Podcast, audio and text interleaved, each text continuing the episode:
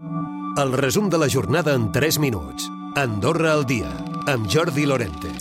En surt, però per sort sense conseqüències greus. Parlem de l'incendi que s'ha determinat a tres quarts de dues de la tarda quan els bombers rebien l'avís de foc a la Torre Zènit, a Escaldes, un foc originat a la planta número 12 d'aquesta torre en construcció que afectava bona part de la lona protectora exterior i també el material de construcció de l'interior, com ara tubs i palets. Alguns testimonis indiquen que el foc l'hauria ocasionat el sobreescalfament d'un allargador elèctric, tot i que encara s'estan investigant les causes, com diu el cap de guàrdia dels bombers, el Marc Roger.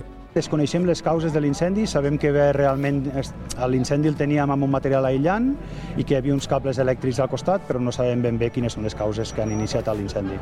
El foc quedava extingit una hora després. Sis persones haurien quedat afectades per inhalació de fum. Això sí, una hauria estat la que hauria tingut més afectació. Els bombers continuen investigant les causes de l'incendi. Tres dotacions de bombers en un primer moment, fins a cinc en total, amb dues ambulàncies més la policia, han fet part d'aquest dispositiu.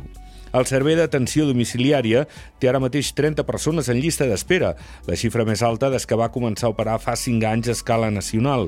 Una situació que, segons l'executiu, fa un any i mig que repeteix de manera puntual i fluctuant en funció de les necessitats, algunes de les quals no són, per cert, de llarga durada. Vist que la plantilla és justa en moments de pics de demanda, es volen incorporar més professionals.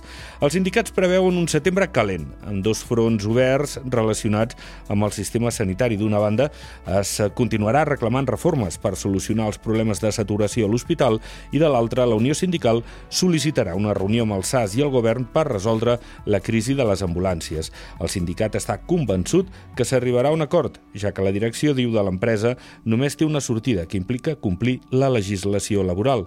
Gabriel Ubach és secretari general de l'USDA. Nosaltres estem amb la firme convicció de que arribarem a un bon acord i que a l'empresa no li quedarà més remei que d'alguna manera seguir el que és la llei i per tant nosaltres no farem res que estigui fora de la llei.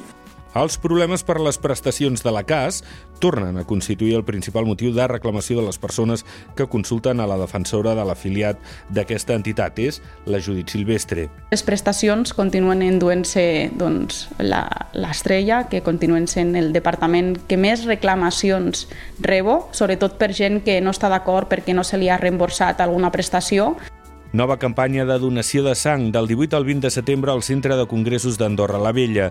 La Creu Roja encoratja la ciutadania a participar-hi i recomana demanar cita. En la campanya de juliol es va aconseguir gairebé 400 donants.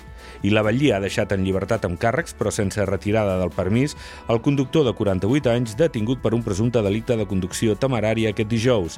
L'home és conegut per publicar vídeos a internet.